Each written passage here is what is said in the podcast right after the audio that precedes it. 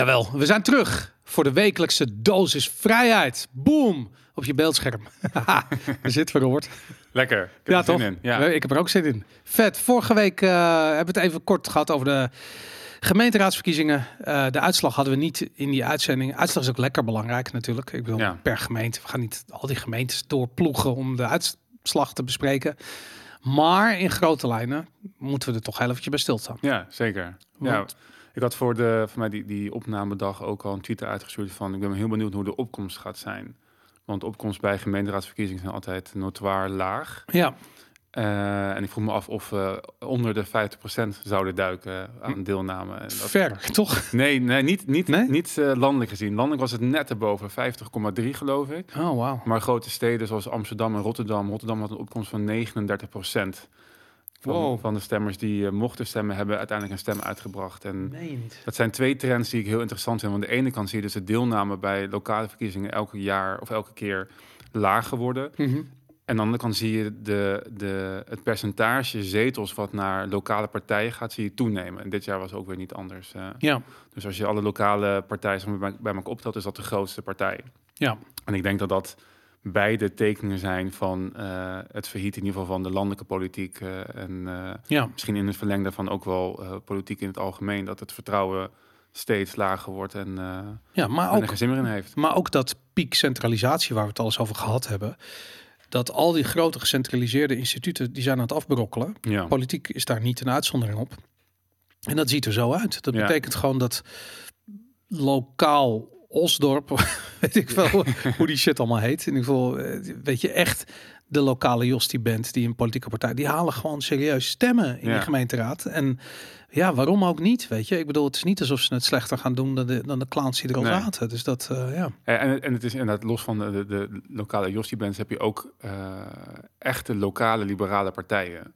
Oké, ja. Echt gewoon... En, Ondernemers die besluiten om lokale politiek in te gaan. het is Ja. toch- toch, je, je hebt niet te maken met het apparaat eh, van een grote landelijke partij. Dus je kan jezelf makkelijk opgeven. Je hebt 300 euro nodig en een eh, kieslijst en zes formulieren geloof ik. En dan eh, ja, kan je gaan. En dus dat zijn inderdaad meer ondernemers en mensen die ervoor kiezen om dat, om dat te doen. En ik denk dat dat ja, om twee redenen mooi is. Want je hebt... eh, het is lastig. Aan de ene kant is het mooi omdat je echt lokale partijen hebt die het daarvoor het zeggen krijgen. Aan de andere kant, ja, heb je natuurlijk Den Haag en Brussel die erboven hangen, die eigenlijk voor een groot deel de dienst eh, eh, uitmaken. ja. Maar het is beter dan, denk ik, eh, een VVD die wel claimde de grootste partij te zijn. Wat klopt. Ze hebben, geloof ik, 11, iets meer dan 11% van de stemmen gehaald. Ehm, eh, niet de meeste zetels. Oké. CDA, CDA heeft de meeste zetels gehaald. eh, CDA is gewoon succesvoller geweest Ja. bij de Tweede Kamerverkiezingen dan de VVD. bij, de, bij de lokale verkiezingen. Ongelooflijk. Ja. Sorry, inderdaad. Ja, lokaal. Ja, Ja, bizar. op zich is het niet bizar, want de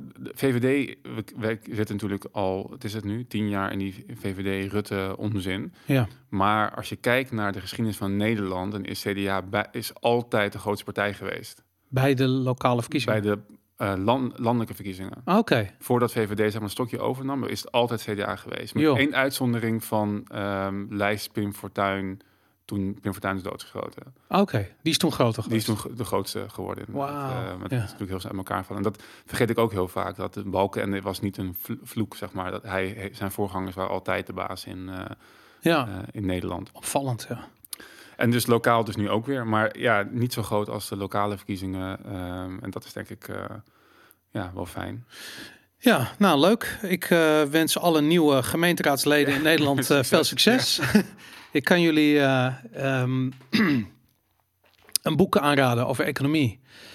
Dat heet Economics in One Lesson van ehm, Henry Hazlitt. Henry Hazlitt inderdaad. En dat is de basis van wat er nu misgaat in Europa met de euro. En ik denk dat het heel belangrijk is dat op welk niveau je ook actief bent. Maar als je een politicus bent, lees dat boek en begrijp waarom de eh, ECB op dit ogenblik de euro aan het opblazen is. Eh, ik zag een tweet voorbij komen dat, we, eh, dat, dat de balans van de ECB over de 8,7 tril, trillion euro heen is gegaan. Dus 8,7 biljoen. Als ik het woord biljoen zeg, moet ik denken aan het woord biljoen. In het Donald Duck is Dagobert Duck namelijk een biljonair. Dat soort grapje wat ze daar hebben. Dus ik, ik biljoen, je gebruikt het zo weinig. Maar we moeten eraan wennen, want het komt steeds uh, vaker voor. En als we zo doorgaan, dan is straks iedereen in Nederland een biljonair. Ja, is wel een mooie tip trouwens voor iedereen die Henry Hazlitt, economisch in one lesson. Ik heb hem lang niet voorbij horen komen, maar uh krijgen vaak vragen van kijkers die tips hebben voor goede boeken. En meestal zijn het hele dikke pillen met heel moeilijke teksten. Maar dit is echt een heel goed boek waar je... Ja. Dat is ook niet, niet dik. Nee, het is one lesson. Ja, het is one lesson inderdaad. Dus, Je bent er, bent er zo doorheen. Dus als je meer wil begrijpen van de economische rijden van de wereld... dan is dit echt een, uh, een top, uh, top Absoluut, een aanrader. Nog, nog, nog over die gemeenteraadsverkiezingen. Ik kreeg nog een kritiek op mijn opmerking. Oh, Ik heb niet gestemd. Ik was een van de bijna 50% mensen dus die niet gestemd uh, hebben. Wel, ik heb wel gestemd, dus dat is al 50. Ja, 50 ja dus die zijn precies vertegenwoordigd ja, hier. Precies, uh, ja. Um, maar dat, dat ik, uh, ik niet gestemd had en daarom dus ook geen kritiek zou mogen leveren op het politieke uh, welzijn van, van Nederland. Het is een beetje een open deur natuurlijk. Dat hoor je heel vaak van ja, maar je doet niet mee, dan mag je ook niet zeiken. Ja, maar ik vind het interessant, want we hebben natuurlijk ook de, de, um, de discussie over überhaupt, überhaupt om meedoen met, het, met dit systeem. Weet ja. en ik zijn allebei geen uh, democraten. We hebben niet veel op met het democratische systeem. Wij geloven in onomvreembare individuele mensenrechten. Weet je, ja. geen meerderheid van stemmen moet daar aan kunnen tornen. Ja. Dus ik vond het wel grappig dat dat, want dat leeft nog niet bij iedereen. En maar het is grappig, want als je dat zegt, mensen, en ik denk ook heel veel luisteraars, snappen niet wat je bedoelt. Want het triggert namelijk allerlei framing. Want uh, weet ik veel, een van de definities van fascisme is namelijk ook dat je het democratisch proces uh, uh, om zeep wil helpen. Mhm. Waar jij het over hebt, dat is namelijk zo belangrijk. Dat is eigenlijk een laag onder democratie. En dat is dat, dat idee dat democratie de terreur van de meerderheid is. Mhm. Altijd ten koste van de minderheid. Mhm. En ja, wij bijvoorbeeld, maar ik denk heel veel kijkers van de podcast ook hebben dat ervaren met corona bijvoorbeeld. Weet je, dat was de terreur van de angst van de meerderheid ten koste van de minderheid die niet bang was. En dat, gaat, dat, is, dat doet democratie altijd. Het is gewoon een vorm van, van dwang van de meerderheid. Mhm. En dat maakt het niet oké. want uh, inderdaad, zoals je zegt, als jij uh, uitgaat van de, van de on, onneembare uh, rechten, burgerrechten die je hebt, weet je, de, de, de, de vrijheid die niet af te. Ik, ik moet denken aan het Engelse woord inalienable. Ja. Dat vind ik een heel mooi woord. Mm -hmm. Het is niet te vervreemden. Ja. Het, is een, het is een schitterend woord. En dat je kunt dat niet afnemen. Dus de democratie zou ondergeschikt moeten zijn aan, uh, aan die onontvreembare rechten. En dan pas zou ik soort van over te halen zijn om democratie te accepteren. over democratie. Maar democratie als beginprincipe, nee, no fucking way. Uh, en zeker niet de meerderheid die nu op één kijkt en te beïnvloeden is met bang is, ja. precies bang is en bullshit persberichten over over Poetin en Rusland en Oekraïne uh, zouteloos overneemt. Dan, dan heb ik zoiets van ja, nee, sorry jongens. Dat, het, uh, het is zo vreemd als je erover nadenkt. Dus als wij met z'n allen besluiten, uh, het, het, is oké uh, om je hand af te hakken, dan is dat oké. Want het is bij meerderheid van besluit genomen. En, ja. En, uh, Gaar als het jouw hand is. Ja, precies. ja, en, en, en nou goed, de geschiedenis, dat heb voor mij ook al eerder gezegd, de geschiedenis die zat vol met voorbeelden van dingen die democratisch zijn besloten, maar totaal tegen alle mo moraal en moreel ingaan. Slaafhandel is altijd een hele mooie voorbeeld. Ja. Dat was democratisch besloten, dat is oké, weet je. Het is gaar als je een slaaf bent op zo'n ja. boot, maar voor de rest het is toch democratie. Ja, precies. Dus slavenhandel, maar ook natuurlijk de tijd daarna, zeg maar de Jim Crow uh, um, um, tijd in Amerika, dat, uh, ja. dat de Afro-Amerikanen tweederangs burgers waren per wet. Ja. Uh, maar ook uh, Nazi-Duitsland, weet je, daar, uh, daar was, was voor mij alles wat voor mij Hitler is uiteindelijk um, niet veroordeeld door de wetten zeg maar, die in Duitsland golden, want daar had hij geen wet overtreden. Omdat hij natuurlijk dat er aangepast had. Ja, tuurlijk. Maar dat, ja. dat was, ja, hij is democratisch verkozen en vervolgens heeft hij een ja, wet wil van het volk. Ja. ja. Dus dat, dus dat, dat, en dat maakt het dus ook inderdaad uh, vatbaar voor dit soort manie. Dat is ook het idee van de hele constitution in de VS. Weet je, dat, dat zagen de founding fathers. Ze willen niet dat die manie, zeg maar, de, de, de waan van de dag uh, gaat, gaat knoeien met de rechten van mensen. Dus ze, ze waren heel erg tegen het idee van een democratie. En hebben ja. daarom zo nou, de Bill of Rights en dergelijke bedacht.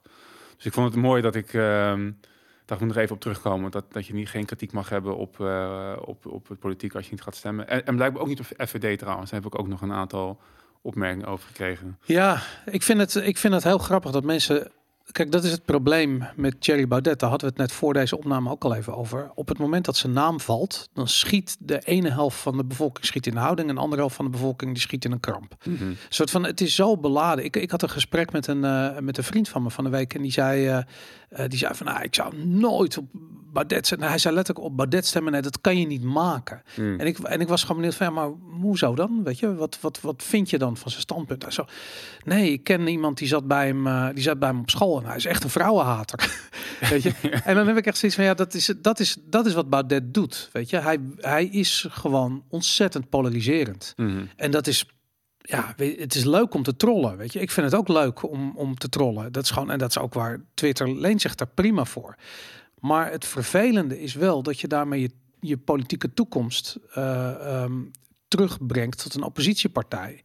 En dat is jammer, want in principe, als je kijkt hoe zij voor corona eh, eh, of tegen de coronamaatregelen hebben gevochten, dan heb ik zoiets van, hey, dat, dat, dat, dat smaakt naar meer, weet je. Ik vind Ja. dat, dat tof, weet je. Daar, daar zie je die strijd tussen democratie en onontvreembare burgerrechten. Mhm. Eh, die hebben zij mooi verwoord. Ja. Zeker Gideon van Meijer. Applaus voor die man.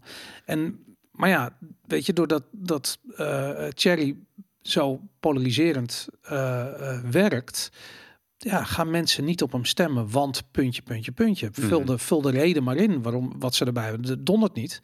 Maar ja, en, en dan heb ik zoiets van ja. Weet je, als ondernemer, stel je voor dat jij een winkel hebt en mensen willen niet bij die winkel komen, niet omdat je eh, eh, omdat ze de producten niet goed vinden die je verkoopt, maar omdat ze het gewoon politiek gezien incorrect vinden om je winkel binnen te stappen, heb je een groot probleem. En dat is, dat is wat hier aan de hand is. Mhm. Het, zijn niet zijn, het is niet de inhoud van Forum die niet goed valt. Nee, tegendeel. Daarmee zou het de grootste partij van Nederland kunnen worden. Mhm. Het is de politiek, eh, het politieke frame wat is eh, geplaatst rondom Forum, wat het gewoon ja, eigenlijk een soort van geen toekomst, toe- toekomstperspectief ontneemt. Ja, en daarom vond ik het juist eh, eigenlijk een beetje verrassend. Want we hadden vorige week, in ieder geval ik had, inhoudelijke commentaar op FVD, wat je eigenlijk nooit ziet. Want meestal is het in de, in de categorie commentaar wat jij net schetst. Van ja, ik heb iets gehoord ergens en hij eh, heeft een hekel aan baby's en die eet hij voor het ontbijt, zeg maar. Dat soort, dat soort opmerkingen. En, we hadden eh, ja, echt meer kritiek op het... ehm, nou ja, op de, op de inhoud van en hoe libertair is die partij. En daarmee inderdaad, wat jij zegt, niks afdoen aan wat ze gedaan hebben. Want het is de partij, zoals ik ook al zei, die dichtst bij mijn eh, verkiezings, dat? Mijn stemwijzer ehm eh vorige keer ja. uitkwam. Ehm, maar, dat, maar ze, ja, ze missen volgens mij wel een aantal, een aantal punten die, ehm, ja, die ik dus bij de LP wel vind. Namelijk überhaupt het kritiek op het politieke spel, het politieke systeem.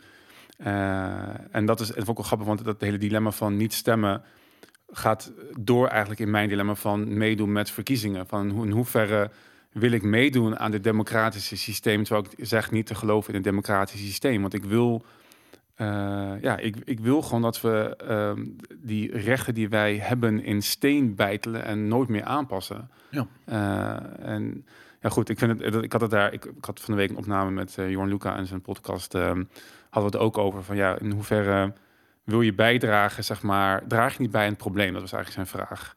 Draag je niet bij het probleem door mee te doen met, eh, met verkiezingen als je niet gelooft in dat hele verkiezingscircus? Ja. circus? ja, dat, ja, ik zeg, ik vind, dat, ik vind dat een moeilijke. ehm, Maar dat, dat, Vraag. je- dat, dat daarin zit een beetje van. Kijk, op het moment dat je wil regeren en je wordt gedwongen die compromissen te sluiten, ja, dan ben je verloren.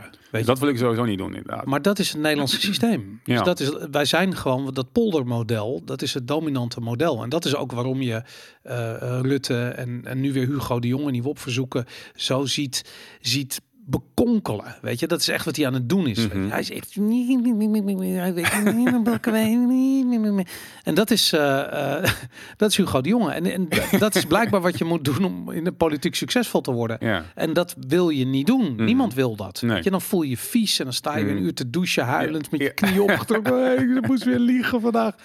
En dat, eh, ehm, ja, dat gun ik Hugo van harte dat hij dat mee moet maken. Maar ik denk, ik denk toch van ja, als je die politiek in wil en je wil en eh, je, je wil echt eh, ehm, je standpunten uitdragen. Mhm. Kijk, zolang je in oppositie zit, Mm. eh, is dat makkelijk. Weet je, dat is precies wat Forum nu doet. Weet je, daarom vertrouw ik Forum ook niet. Want op het moment dat ze namelijk een regeringspartij worden, weet ik niet hoe, Ja, hoe hard dit nog overeind blijft. Ja. Wat ze roepen.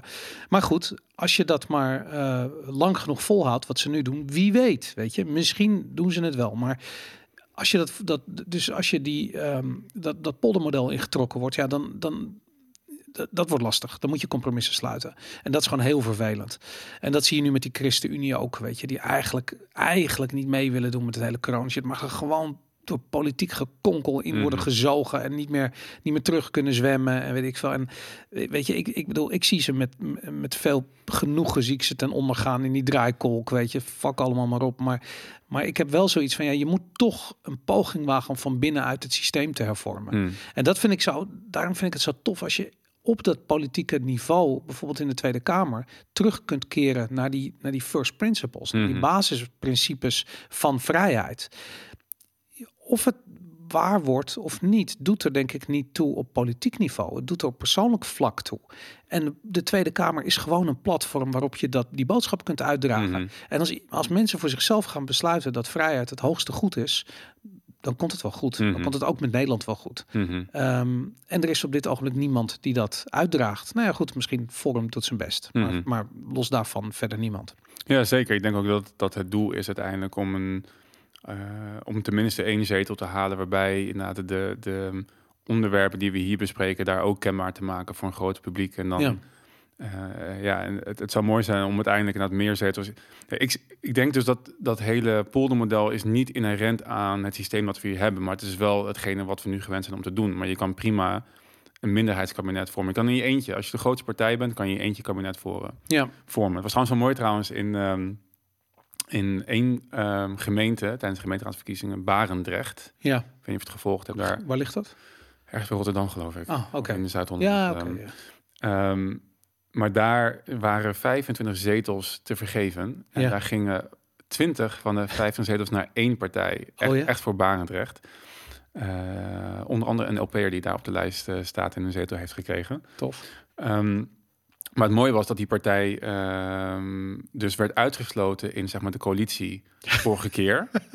Omdat ze, ze waren een van de grootste partijen geworden bij de vorige verkiezingen. Maar het was weer een racistische partij of zo, weet ik veel. Het was, het was Een van de frame werd erop geplakt. Ja. En het kon niet. Ja. Ehm, en dat is dus keihard afgestraft door eh, de, de, de kiezers. En ze hebben nu een, Ja. een absolute meerderheid en kunnen dus inderdaad zonder ehm, een coalitie, coalitie te vormen gewoon hun eh, beleid uit, eh, uitstorten. Maar ook als je landelijk of lokaal niet de meerderheid hebt, dan kan je ervoor kiezen om in je eentje kabinet te gaan vormen. Of een coalitie te vormen als, het over lokale verkiezingen gaat. Hm.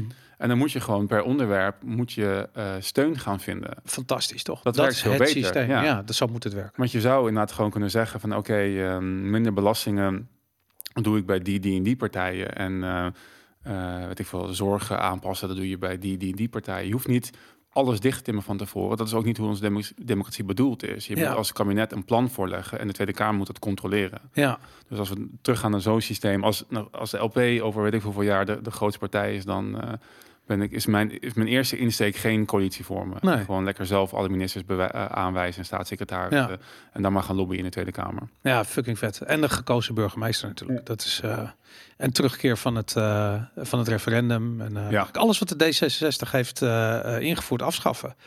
Dat, dat is gewoon de eerste kabinetsperiode. Is gewoon alle regels, alle wetten, alles wat de D66 heeft gedaan, gewoon terugdraaien. Dat, eh, dat zou vet zijn. Ja, heerlijk, ja. Vet. Maar goed, ik vind het ook. ehm, eh, ik denk dat mensen ook moeten realiseren dat. eh, eh, de problemen die we nu in de maatschappij hebben, politiek gezien, ook te maken hebben met de, met de, met, met, met, met de eh, eigenlijk de zwakke formulering van onze grondwet. Mhm. En het feit dat we eh, zoiets als een spoedwet, eh, een tijdelijke noodwet hebben, nog altijd, terwijl er geen sprake is van een noodsituatie en er ook, ook nooit sprake is geweest van een noodsituatie, ehm, geeft al aan hoe ontzettend zwak onze grondwet is. Mhm. En dat zie je dat in bepaalde uh, gebieden, bijvoorbeeld in Zwitserland, maar ook uh, bepaalde kantons in Zwitserland, maar ook bepaalde staten in Amerika, waar je gewoon ziet van die grondwet is overeind gebleven. En het is niet gelukt om bijvoorbeeld verplichte vaccinatie in Amerika er doorheen te krijgen. Het is niet gelukt om uh, um, alle coronamaatregelen in Zwitserland in elk kanton uit te rollen, bijvoorbeeld. Ik bedoel, het is geprobeerd, maar het is niet overal gelukt. En wat wij hebben meegemaakt hier is gewoon het, het falen van die grondwet. En mm -hmm. dat moet hersteld worden. Dat die grondwet moet gewoon goed. Ja, je ziet in de formulering van de artikelen van de grondwet precies die, um, die tweestrijd die ik niet wil zien. Namelijk, er is, een, er is een recht geformuleerd. En er staat bij heel veel artikelen achter van... tenzij per wet anders wordt bepaald. Ja. Met andere woorden, dit is je recht tenzij de democratie nu iets anders vindt. Dit, dit, dit seizoen, dit, uh, dit jaar, deze, deze trend. Ja, en, en dat is nou heel zwak. En dat heb je in Amerika niet. Al moet je al staat hij natuurlijk daar ook zwaar onder druk, omdat uh, men daar ook graag macht wil centraliseren. Maar je ziet dus dat het in eerste instantie niet met een maar formuleren van een recht en het decentraliseren van je macht wel een hedge is tegen nou, centralistische bewegingen. Dus ja, in Zwitserland heeft dat inderdaad ook uh, heel sterk. En dat moeten we in Nederland hopelijk ook weer. Uh, nou, wij, wij, moeten een keer een, een, een, hele uitzending gaan praten over de Bataafse grondwet. En dat ja. was de eerste grondwet die Nederland had na de 80-jarige oorlog. Die grondwet is, die was echt heel erg goed. Mm -hmm. En die is door, uh, door Amerika ook als, als basis genomen voor hun eigen grondwet. Dat is eigenlijk een beetje de, de mal die ze hebben gebruikt. En hier is die afgeschaft onder druk van de Europese Koningshuizen. Die zoiets hadden van, het is allemaal leuk en aardig wat daar in Nederland gebeurt. In die Republiek der Zeven Provinciën. Ja. en leuk wat jullie allemaal in die bootjes uitspoken daar in, in, in Azië en waar allemaal. Maar uh, hier is nu afgelopen met het gezeik. En er komt gewoon weer een koning. En jullie gaan gewoon weer lekker meedoen met het spelletje wat wij al eeuwen aan het spelen zijn. En toen was dus de uh, Bataafse grondwet was weg. En toen kregen we was ik koning Willem I of zo? Wie, wie heeft dat toen? Die, ja, voor mij heeft, uh, ja, ja. ja, die heeft toen uh, die heeft dat, dat hele feest heeft hij om zeep geholpen. En dat moet hersteld worden. Ja, ja, daarom. ja. ja hij, heeft, hij heeft zichzelf hij is zo van, ik ga nu, nu, nu vorst spelen. We gaan nu een koningshuis oprichten. En we gaan het enige legitimiteit proberen te geven... door maar met Jan en allemaal te trouwen... die een kinderen te krijgen... die ook maar enigszins in de verste verte... iets van een adellijke familie heeft. En dan, uh, dan komt het wel goed. Ja. Ja, met die ellende zitten we nog steeds helaas. Hmm. Maar goed, dat wordt een andere aflevering. Want, ik, want ik, wat, wat je zei, dat frame van antidemocratisch... dat wil niet zeggen dat we niet uh, uh, ervoor zijn dat mensen onderdrukt moeten. Want dat lijkt vaak. Weet je, democratie en vrijheid zijn een soort synoniem geworden mm, van elkaar. Mm -hmm. En dat is juist helemaal niet zo. Mm. Maar dat komt omdat mensen niet echt nadenken over wat democratie is. En niet weten wat vrijheid is. Mm -hmm. En als je die twee begrippen niet volledig kunt overzien, ja, hoe kan je dan, hoe kan je dan zien dat er verschil is tussen democratie en vrijheid? Mm -hmm. Wij zijn voor vrijheid. Vrijheid is belangrijker dan democratie. En als we democratie willen afschaffen, dan bedoelen we niet dat we een totalitaire staat willen installeren. Nee, dat betekent dat we juist veel meer naar vrijheid willen, waar ieder individu bottom-up zijn bijdrage kan leveren aan de maatschappij. En niet een slachtoffer hoeft te zijn van de, van de grillen van de meerderheid. En sterker nog van de slecht geïnformeerde meerderheid ook nog eens een keertje. Mm -hmm. Dat is heel belangrijk. Dat, uh, dat moeten we even, uh, dat onderscheid moeten maken. Ja, misschien is het ook zo dat we, uh, want dat was ook een van de vragen die ik kreeg over hoe ziet dat meer vrijheid er dan uit? Um, en misschien is dat wel interessant om naar te kijken. Een van de vragen was bijvoorbeeld hoe zou je mensen die zwaar gehandicapt zijn of anders heel behoevend um, uh, helpen als het Ja. niet via de overheid uh, gebeurt. Ja, En ik denk dat het wel interessant is om, da- om daar naar te kijken, omdat het, omdat ten eerste omdat het vroeger altijd zo gebeurde. ja, Dus voordat we een, een, een, een, een, ziekenfonds of sociale zekerheid hadden vanuit, uh, vanuit het Rijk, had je uh, collectebussen die langs gingen, had je fondsen, zeg maar, op, op particulier initiatief die geld inzamelden voor mensen die uh, ja, op wat voor manier dan ook hulpbehoevend waren. ja, En ja, ik denk dat we vandaag de dag zouden we weer terug kunnen gaan naar zo'n systeem. Of we zouden. Uh, het ding is, wat ik heel interessant vind, is zeg maar het idee van uh, uh, je verzekeren tegen bepaalde, um, hoe zeg je dat, fysieke handicaps inderdaad die je kan oplopen. En Ja. we hebben er nu geen gewoonte, gewoonte van gemaakt om bij geboorte, en mag ook niet, je kind te verzekeren tegen bepaalde, bijvoorbeeld genetische defecten. ja, Uh, omdat we ervan uitgaan dat de overheid bepaalde dingen regelt als het misgaat. ja. Maar ehm, de meeste mensen, als ze zich tegen bepaalde schade willen verzekeren, dan sluit ze een verzekering af met een, een inboedelverzekering of een autoverzekering of wat, wat je dan ook wil verzekeren. Een inboedelverzekering is ook niet verplicht. Ehm, kost slechts een paar euro per maand en je bent voor echt honderdduizenden, misschien wel richting een miljoen euro verzekerd als het afvikt, als je dingen kwijtraakt. Maar oh, zeker. Je, je WA is al over een miljoen, tegenwoordig 2 miljoen zelfs. Ja. Zoals jij met je auto uh, uh, uit de bocht vliegt en je, je, vliegt een villa binnen en de Jaguar die voor de deur staat, die vliegt ook in brand. Ja, dan, ja. een miljoen is niks. Nee. Je, dat ben je zo. Maar je bent er maar een paar euro, je bent er niet heel veel geld voor kwijt, ook nee. voor je inboedelverzekering niet. En dat komt omdat een hele grote groep mensen daar vrijwillig voor kiest. Ja. En zo samen zeg maar de, de een verzekeringspot opbouwt waarbij je dit soort schades kan uitbetalen. Ja. En hetzelfde geldt voor bepaalde uh, uh, afwijkingen die je kan hebben vanaf je geboorte. Het is nu niet een gewoonte om je, daar, om je kinderen daarvoor te verzekeren. En het, het kan ook niet, nogmaals. Maar hoe kun je de schade bepalen van... Want ik, ik vraag me af wat je dan precies wil verzekeren. De, toekomstigheid, zeg maar dus op het moment dat, je zwanger bent, de toekomstige mogelijkheid dat je kind dus een bepaalde uh, handicap zou hebben. En dus geen inkomsten kan genereren. En dus een inkomsten, het is soort van inkomstenverzekering. Kan je, kan je, dus inkomsten of ziektekosten zou je kunnen verzekeren vooraf. En, en waarom zou je dat, maar ik, ik, ik, waar ik een beetje mee zit is van, stel je voor dat jij, dat je een soort bizarre rekensom zou maken voordat je geboren was. Ja. En dan weet je van oké, je bent een jongen, je komt uit ongeveer met deze sociale achtergrond. Nou, dan zou je bij wijze van spreken een soort, uh, weet ik veel, uh, een, een rekensommetje op los kunnen laten zeggen van nou, die, die verdient over zijn hele leven ongeveer zoiets, mm -hmm. weet je, whatever.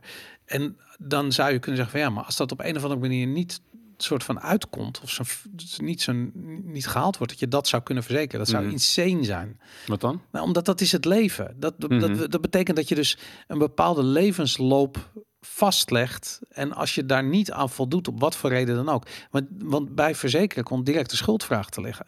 Dus stel je voor dat jij ergens, uh, uh, weet ik wel, het verkeerde pad op gaat en de bak in vliegt. Ja, dan ga je dus niet die, die, dat bepaalde productiviteitsniveau halen gedurende je leven. Mm -hmm. uh, wiens schuld is dat, weet je? Ja, precies. Maar dan, dan maak ik het heel breed. Ik denk dat ik het heel specifiek zou willen maken als er... Um, nou, bijvoorbeeld... Um, bijvoorbeeld een geestelijk handicap bijvoorbeeld, dat of iets in die richting, of, ja. of een, uh, um, een, een ding als een hartafwijking, zeg maar. Je kan het heel, je kan het bijvoorbeeld heel medisch hart heel specifiek kunnen maken. Ik denk niet dat je inderdaad moet zeggen van. Maar weet je wat er allemaal kan misgaan? Dat is zo ontzettend veel. Nee, ik denk dus dat het niet zo heel veel is. Er zijn niet zo heel veel genetische geboorteafwijkingen waar mensen mee, zeg maar, dat, dat is maar een heel klein percentage van de kosten in de ziektekosten in ieder geval. Ja, oké. Okay. Dus, dus, je zou, en, en, dat, ja. en dat is dus precies ook het idee met verzekeren, dat je je, je, je dekt je tegen een klein risico. Eigenlijk is het trouwens ook heel raar, maar dan ga ik misschien weer een hele trek ik weer een heel nieuw blik over. Is het heel raar dat we een zorgverzekering hebben? Want het is niet een uh, onzekerheid die er is. Zorg is bijna voor veel mensen in een zekerheid. Je zou eerder een abonnement op een, op een zorg moeten hebben dan een verzekering. Dat is het toch ook nu eigenlijk? Dat het is, het ook. En, ja, ja, dat klopt. Maar daarom is het, het systeem um, is niet zo ingericht. En daarom gaat het denk ik daar ook fout. En je zou dus eigenlijk moeten gaan, als je dus praat over libertaire oplossingen, naar een abonnement wat je kan afsluiten bij een dokter, bij een ziekenhuis of bij een andere zorg, uh, zorginstelling. En een verzekering tegen die dingen die, waar maar een kleine kans van optreden van is. Want dat is hoe verzekeringen werken. Je verzekert je met een hele grote groep tegen iets waar een kleine kans van optreden is. Mhm. Mm -hmm. zodat, je, als je, zodat je samen een verzekeringspot opbouwt. En als iemand dat dan toch heeft, dan kan je je daarin laten uitbetalen. En ik denk ja. dat dus voor sommige genetische, medische uh, dingen vanaf je geboorte. Als iedereen zich zou verzekeren voor een paar euro uh, per maand, zeg maar, ja. um, um, die dat soort dingen afdekt, ja, dan, dan heb je op die manier dus uh, met een hele grote groep mensen al die, die kleine kosten gedekt. En voor de rest zou je een abonnement moeten afsluiten om, om wat voor kosten dan ook te, te dekken. Ja. Nou, oké, okay, ja, ik, ik, ik, vind het interessant, omdat ja, ik, ik zou liever willen dat, dat we um, Kijk, kijk, wat er goed aan is, is het vrijwillige karakter van een verzekering. Ja. Dus je kunt daar vrijwillig aan bijdragen. En het argument is altijd van ja, als, als je dat vrijwillig maakt, dan gaat niemand het doen. Daar hebben we het vorige week al een beetje over gehad. Weet je, dat hele idee van als iets vrijwillig is, gaat niemand het doen, Mhm. mm -hmm. gaat voorbij aan de incentives die er, die er uit voortkomen. Dus als jij uh, in een veilige maatschappij wilt leven, dan zul je moeten bijdragen aan de veiligheid. En dat weet je, of dat nou is door te betalen voor politie, of dat het is Mhm. om te betalen voor sociale verzekering of iets dergelijks. En weet je, uitkeringen en dat soort dingen. Het maakt niet uit. Maar al die dingen dragen bij tot een veilig, veilige omgeving. Dus ja, ik, ik, ik kan me niet. Ik zou niet inzien waarom dat niet op vrijwillige basis zou kunnen. Want er is namelijk een hele grote incentive om dat voor Wel elkaar te, krijgen. Ja, Ja. om gewoon veilig te zijn. En, en het gebeurt ook heel veel. Inderdaad, de, de, eh, je hebt natuurlijk ook gewoon privaat. Als je politie pakt als een alternatief, eh, ehm, hoe zou dat dan eruit zien als je dat privaat financiert, vrijwillig financi- financiert? Ja, dan krijg je ehm, beveiligingsbedrijven. Die zijn natuurlijk nu ook al gewoon. En de vraag Ja. is of dat ook niet gewoon beter werkt. Ik krijg nu vaak eerder een allergie als ik politie voorbij zie komen. Dat ik denk van, oh, die zijn er hier om mij ehm, eh, te helpen. Wat zeker niet voor iedereen geldt. maar ik denk dat als jij met jouw VVE van ofwel je gebouw ofwel je buurt, zeg maar, je community zegt van hé, hey, we leggen geld samen om zus en zo te, eh, ehm, te regelen, de beveiliging te regelen van de buurt, dan, ja, dat, dan ken je die mensen ook. Je hebt ten eerste heb je zeggenschap, want je betaalt de rekening van dat bedrijf. Dus het gaat niet Ja. goed, dan kan je die rekening eh, niet betalen en een ander bedrijf eh, inschakelen. Ja, er zit, en dat is natuurlijk ook het hele idee. Eh wat ik misschien ook in een andere podcast nog wel wil verder wil uitdiepen van dat mechanisme. Op het moment dat je geen dwang meer hebt in de transactie, Ja, dan krijg je een feedback loop. ja, Een feedback loop die bij de overheid ontbreekt. En, dus als jij zelf je politie zou inhuren, dan betaal jij. En dan kan je dus ook ervoor zorgen dat de betaling stopt als het niet meer, eh, eh, Ja. niet meer goed gaat. En dat is wat het bij de overheid nu ontbreekt. Waarom we continu meer geld uitgeven en een soort van spiraal hebben gevonden waarbij het allemaal slechter wordt en meer kost. ja. Siebert van Liendes monddoekjes deal is Ja. een goede inderdaad. Ja. Goed, laten we, laten we doorgaan. Laten we naar de eh, Duitse eh, ehm, eh, wat is? PPI. Productie Price Index, Producer Price Index Ja. gaan.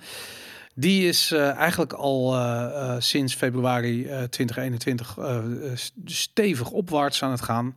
En die heeft zojuist, waar zijn, waar zijn we op uitgekomen nu?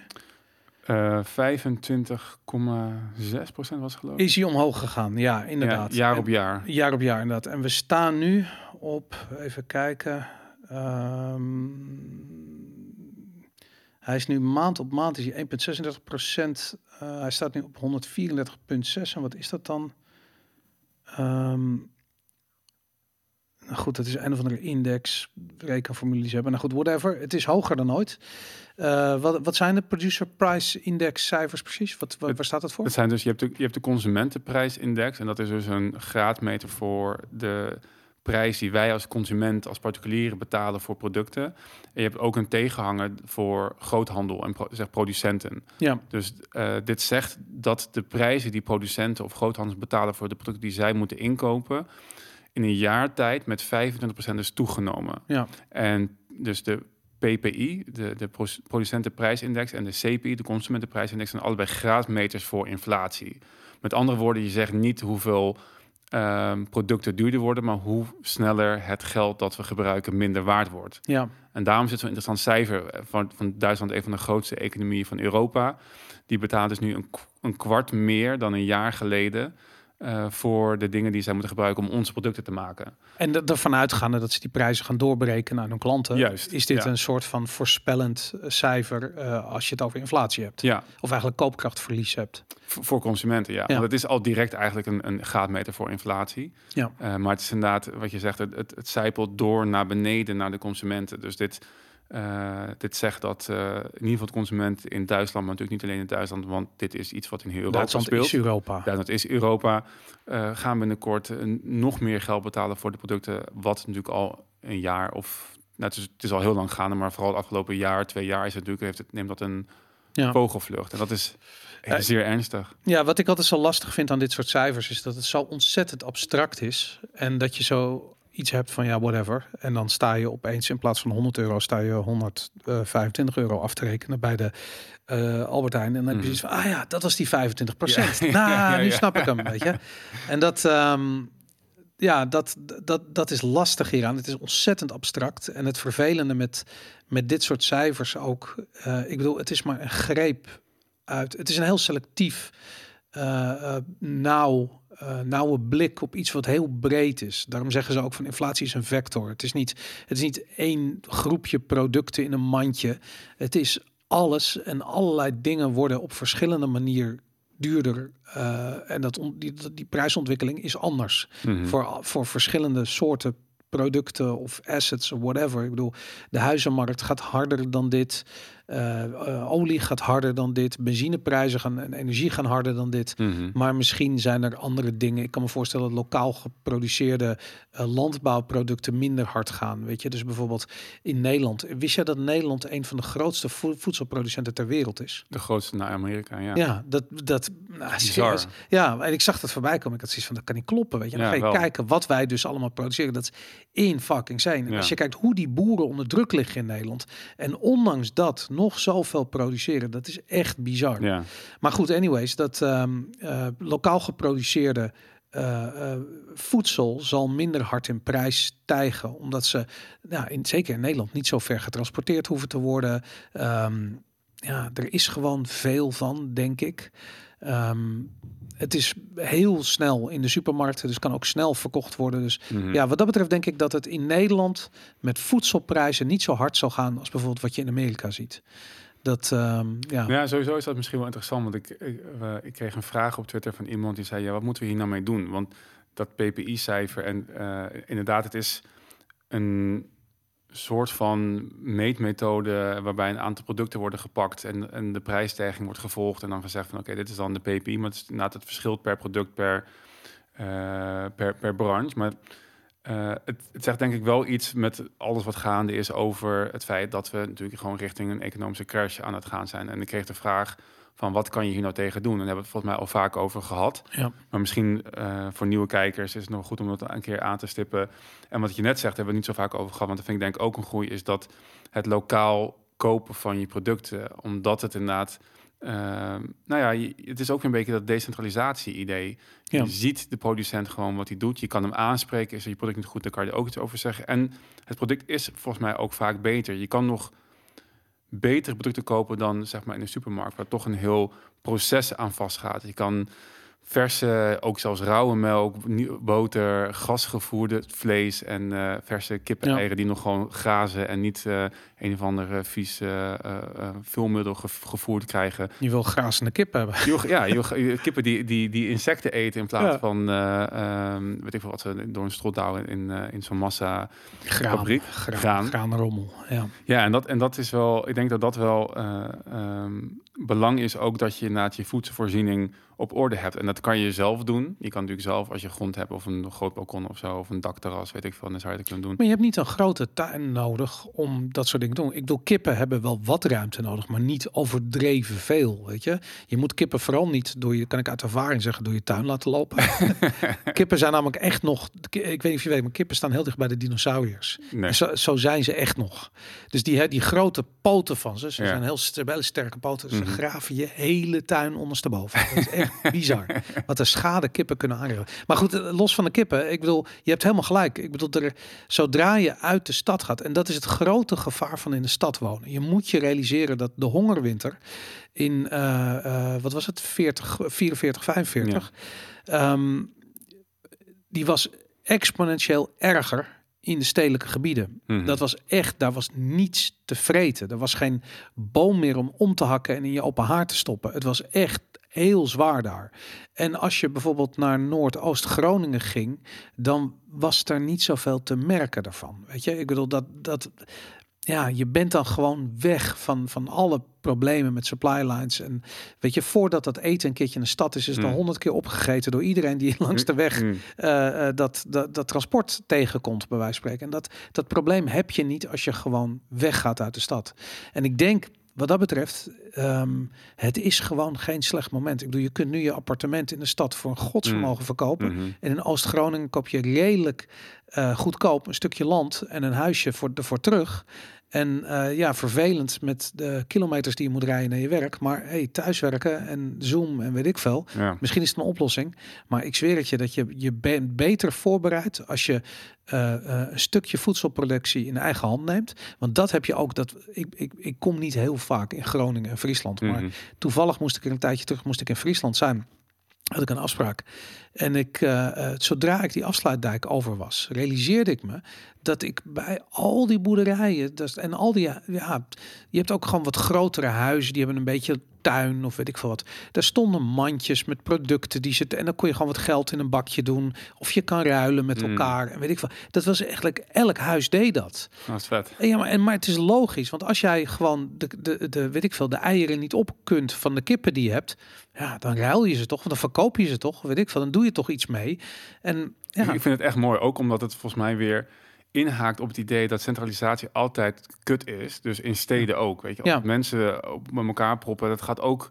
Die dynamiek wordt heel anders. En, dit ja. en eigenlijk het menselijke karakter wat jij schetst van zeg maar nou, van, van daar in, in, in Groningen.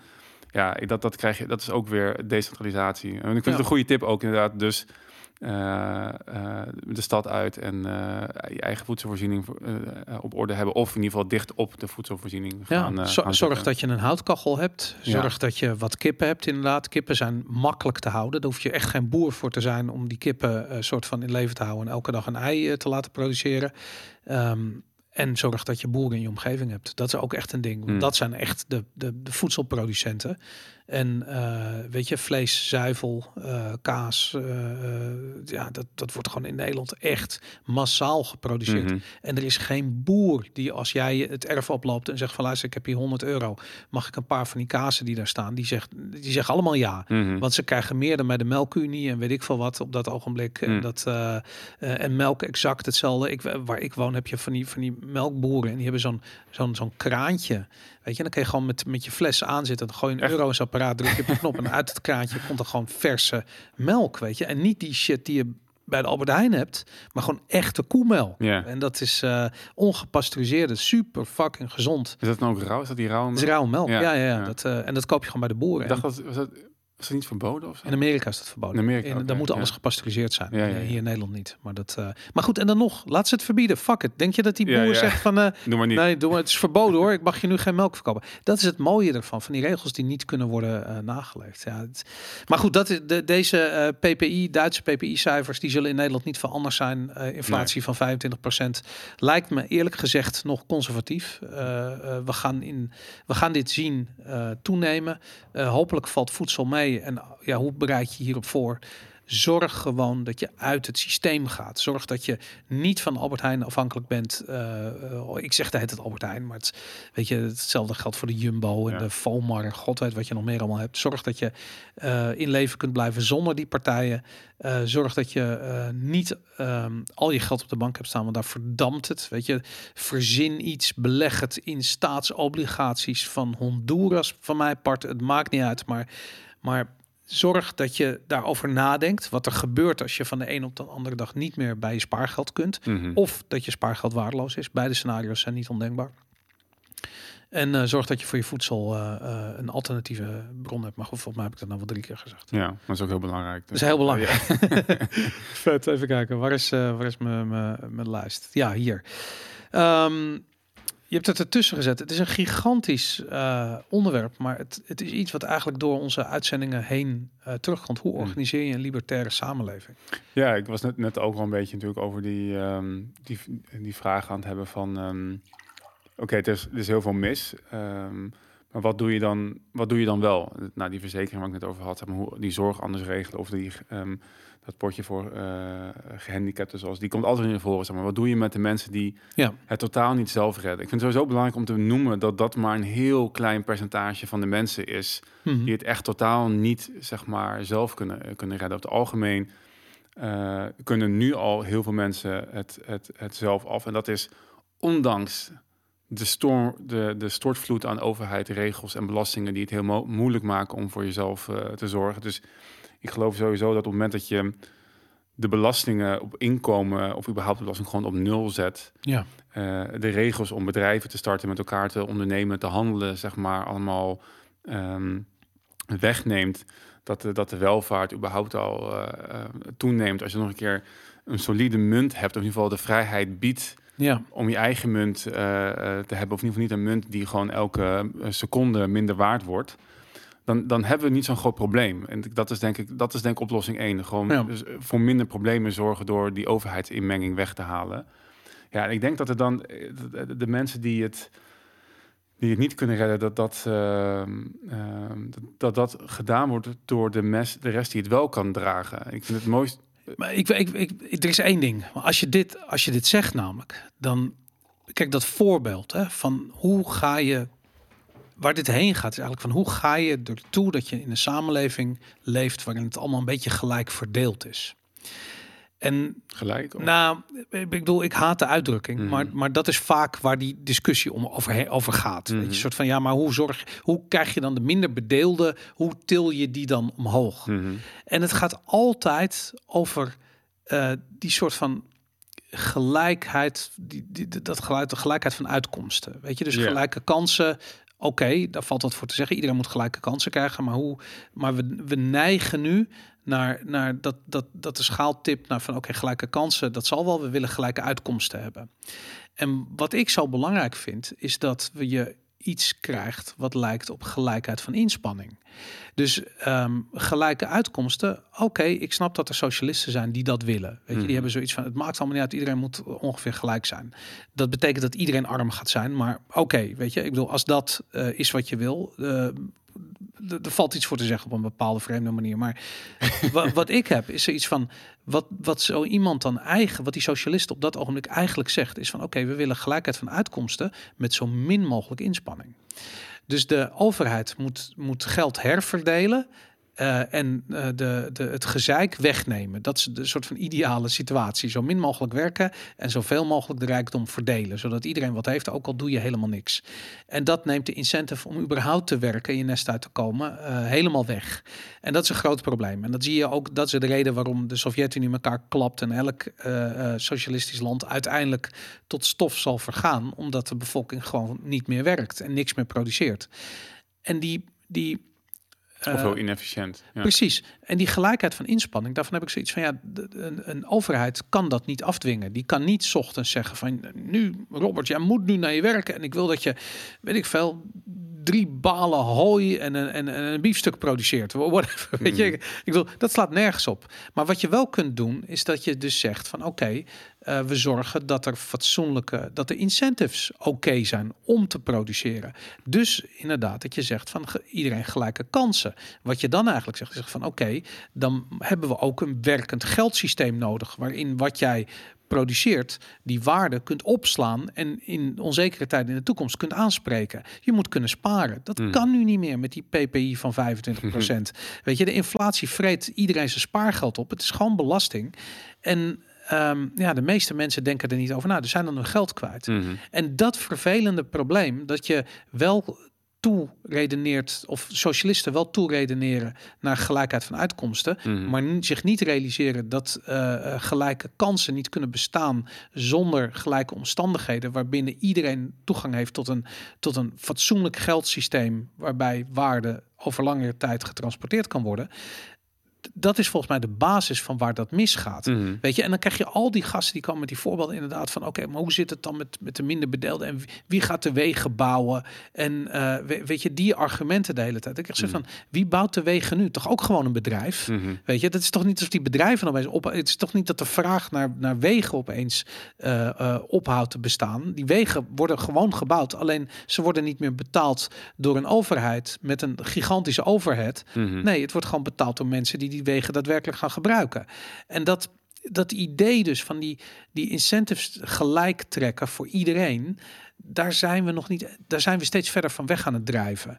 En daarom denk ik van inderdaad, van ja, als je dat soort hele fundamentele voorbeelden geeft, ja, hoe gaat het dan met de minder bedeelden? Denk Mhm. ik van ja, laten we beginnen met geld te repareren. Laten we beginnen met de basisbehoeften en de grondwetten van mensen veilig te stellen. Dan kunnen we daarna kunnen we gaan kijken van oké, hoe zorgen we dan, weet ik veel, voor sociale zekerheid? Mhm. En laten we eerlijk wezen, in Zwitserland zijn de belastingen torenhoog. En toch is dat niet een probleem, want het is het rijkste eh, land ter wereld ongeveer. En ja, is gewoon, ze hebben geen inkomstenbelasting nodig, dat scheelt. Want ze hebben een gigantische belasting op, eh, op arbeid. Maar iedereen werkt. Dus dat, dat werkt gewoon. Hebben ze is is het zo hoog daar? Ja, dat is vrij hoog. Ja, het is, ja. Hm. nou goed, kun- kunnen we kunnen we nog over uitweiden, maar Ik weet dat de BTW echt e- extreem laag is, namelijk in eh Oké. Zwitserland. Maar goed, ik weet niet. eh. Maar ja, inderdaad, dat, was wat ik wilde- zeggen. Dus dat het gaat wel uit van, het, uh, van het huidige, de huidige context. Ja. Waarbij er zoveel schade wordt berokkend door de overheid aan onze productiviteit, aan onze welvaart. Dat als je dat wegneemt, dat de groep die nu al klein is, nog veel kleiner wordt. En vind het wel interessant om, dus sowieso na het benoemen van die, de prio moet liggen bij dat, uh, het wegnemen van die belemmering, waardoor je dat inderdaad gelijke uh, kansen voor, voor inspanning hebt en niet gelijke uitkomsten. Uh, maar ik vind het ook interessant om te kijken naar wat gebeurt er dan met die groep mensen die dan wel overblijft. En ik vind het mooiste voorbeeld daarvan vind ik van Ron Paul, die arts is en vanuit de praktijk zag dat de overheidsinmenging de, zijn werk moeilijker maakte, dat mensen daardoor slechter af waren. En daarom als libertariër de politiek is ingegaan om die overheid weer terug zijn hok in te krijgen. Maar hij zei dat uh, zij vroeger, voordat de overheid zich ermee bemoeide, 90% van de mensen gewoon uh, betaalde voor de zorg die hij bood. -hmm. En die 10% die niet kon, die hielp hij ook. Ja. Want hij, werd gewoon, hij, werd, hij had de kosten al gemaakt en hij kon al leven van die 90%. Het is natuurlijk ook die eet van Hippocrates. Ja, het is ook wat je doet als arts, waar je, waar je een eet voor aflegt van ik ga iedereen helpen.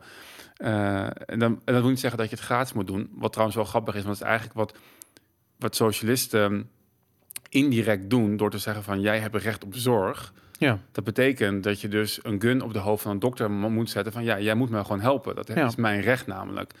En waarom libertariërs niet geloven in dat soort, uh, wat ze noemen positieve rechten, maar alleen maar mm. negatieve rechten die, waar je geen ander voor nodig hebt, zeg maar, om, om, uh, om te krijgen.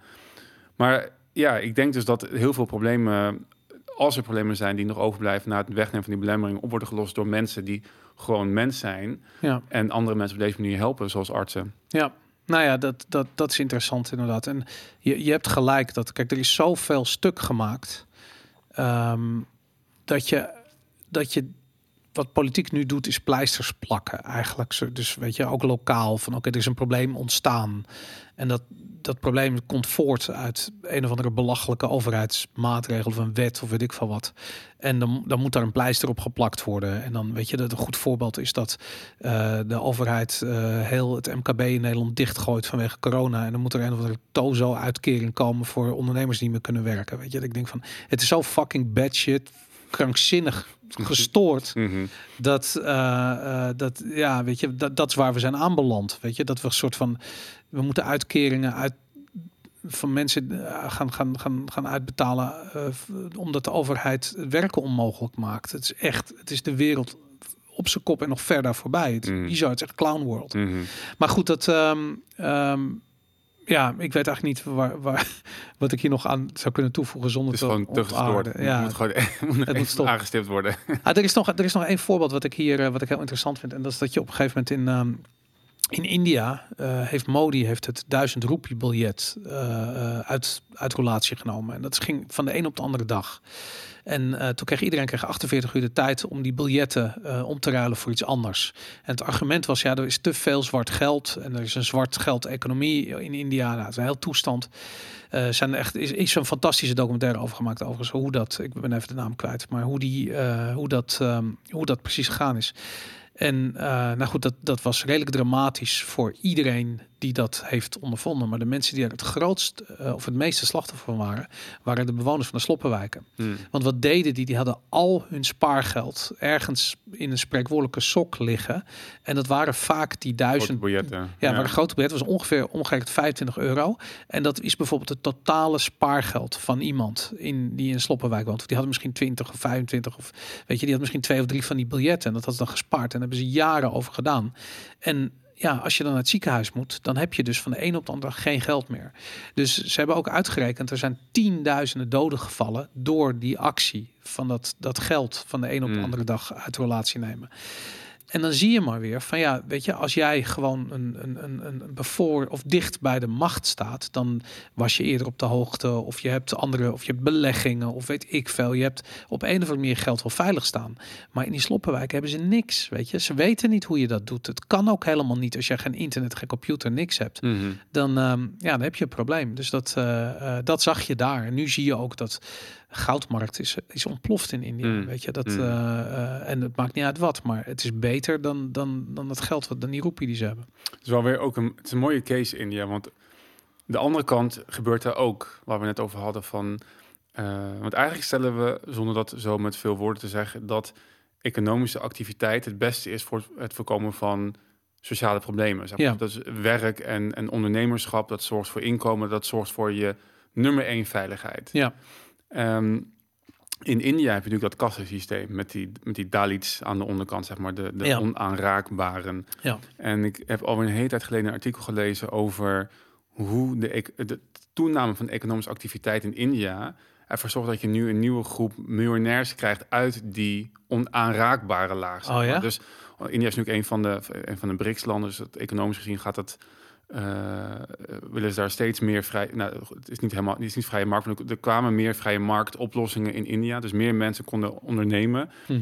En ik heb ook een discussie, discussie gehad met inderdaad een socialist over. Ja, maar je hebt gewoon mensen die totaal nooit iets zouden kunnen beginnen. Die begon over die, over die Dalits. Waar- En toen zei ik, ja, dat is grappig dat ik dat zeg, want er is dus juist een hele boom gaande in die laag in India van mensen die dus gaan ondernemen en zo zichzelf uit de armoede. Terwijl die waarschijnlijk helpen. nooit hebben leren schrijven, lezen, dat soort dingen. Nee, nee. En nu in, in, de, in de nieuwe tijdperk natuurlijk eh, en de nieuwe regels dus wel iets voor zichzelf kunnen beginnen en zo eh, gewoon succesvol ondernemen worden. Ja. Ik vind dat zo'n mooi Super verhaal. vet. En Ja. het is lastig, want je wordt inderdaad. Het goed dat je net dat frame even omdraait van ja, wat doe je met die mensen die zich niet, niet redden? Ja, maar de, maar de focus is verkeerd. En dat- is inderdaad bij socialisten ook zo. Die focussen elke keer op het op het eh, probleem van een kleine groep mensen, terwijl je moet eh, de regels voor die grote groep mensen aanpassen, waardoor iedereen gewoon zichzelf kan eh, bedruipen. En dat, ja, goed. En India was, vond ik dat ook weer een mooi voorbeeld van hoe dat. Ja. Ja, India is, is in vele opzichten fascinerend. En met name omdat die overheid is... Dat land is zo groot en het is zo hectisch en het is zo'n chaos... dat die overheidsregels kunnen niet echt doordringen mhm. tot alle lagen van de bevolking. Mhm. En inderdaad, als je naar de sloppenwijken gaat op dat niveau... dan daar is eigenlijk niet echt meer sprake van overheid. Dat heb je daar niet echt. Weet je, het is allemaal... Het bestuurt zichzelf voor zo goed en zo kwaad als het gaat.